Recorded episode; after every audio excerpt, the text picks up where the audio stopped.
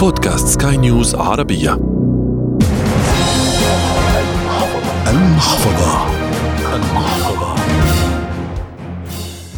أهلا بكم بهذه الحلقة الجديدة من برنامج المحفظة والذي يأتيكم عبر منصة بودكاست سكاي نيوز عربية.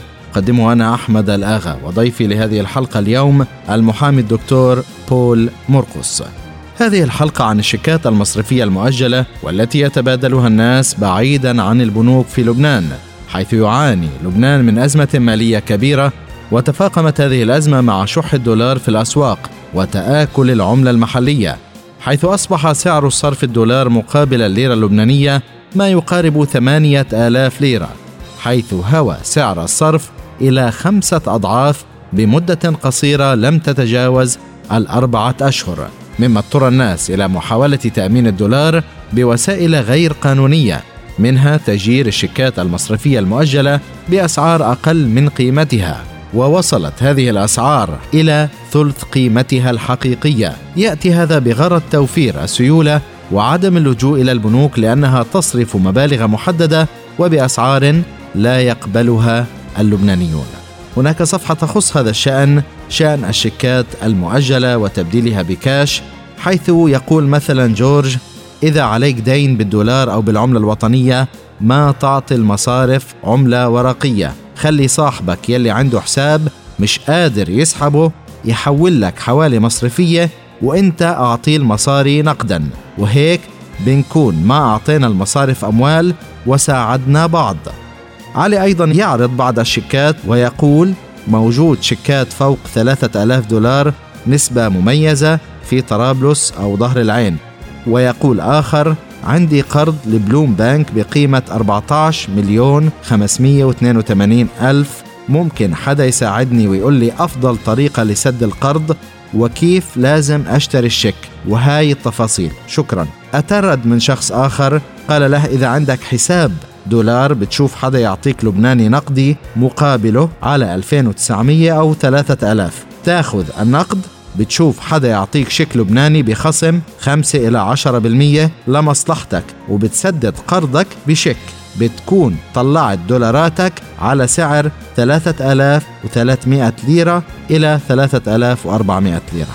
أول سؤال لضيفي حول وصف المشهد من ناحية تجير الشيكات بشكل عام وأيضا قانونيته. الشيكات المصرفية في لبنان كثيرة الاستعمال هذه الأيام. بسبب الحاجة إلى النقد. وبالتالي أصحاب هذه الشيكات يستبدلونها بأموال نقدية طبعا تقل عن قيمتها.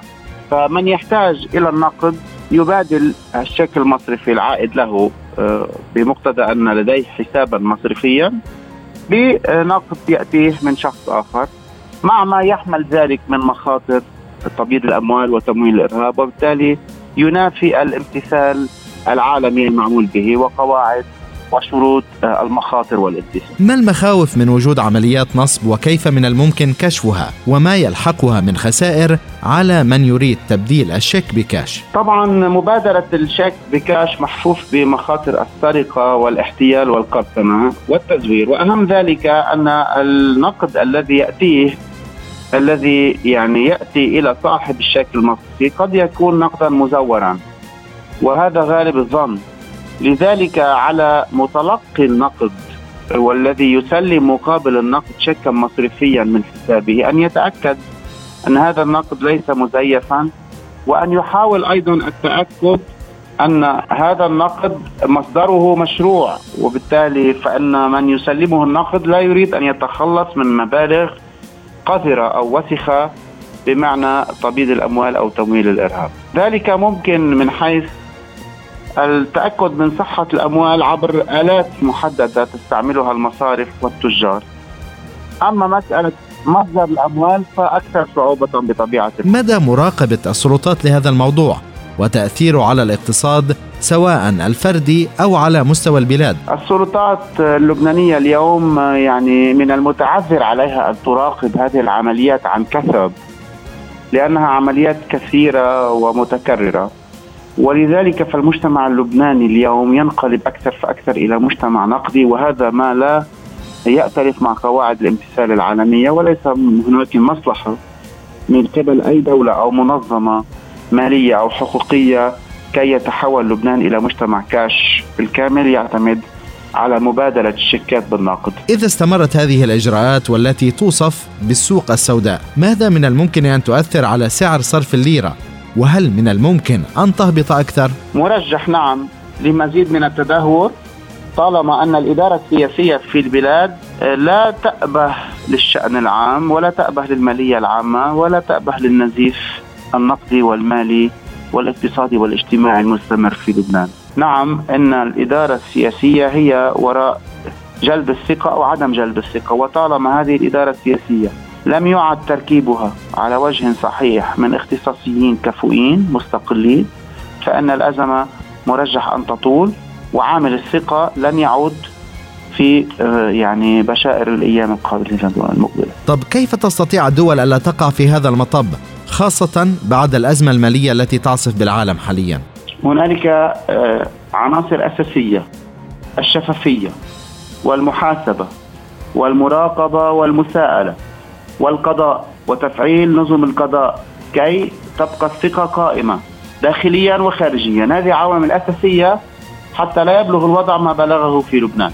وفي لبنان إن أساس المشكلة هي في غياب الشفافية غياب المحاسبة والمساءلة لدى المسؤولين السياسيين مما أوصل البلاد إلى هذا الدرك. حسنا، بعد استقرار الأوضاع المالية وعودتها إلى ما كانت عليه، ماذا سيحدث في السوق وأيضا الخسارات؟ اليوم سيناريوهات لترميم هذه الخسائر، لكن هذه السيناريوهات هي سيناريوهات كارثية أكثر من الخسائر، كما بدا من الخطة الحكومية التي وضعتها حكومة رئيس الوزراء المستقيل حسان دياب، لأن الخطة التي جاء بها تقضي على ما تبقى من عوامل ثقة وعلى بنيان اقتصادي ومالي في لبنان بمجرد أنه طرح موضوع الهيركات أي الاقتطاع من الودائع خصوصا أن الودائع اليوم مجمدة فعليا واقعيا وغير قابلة للتحويل وبسبب تآكلها عبر دفع الالتزامات العامة من هذه الودائع عبر مصرف لبنان.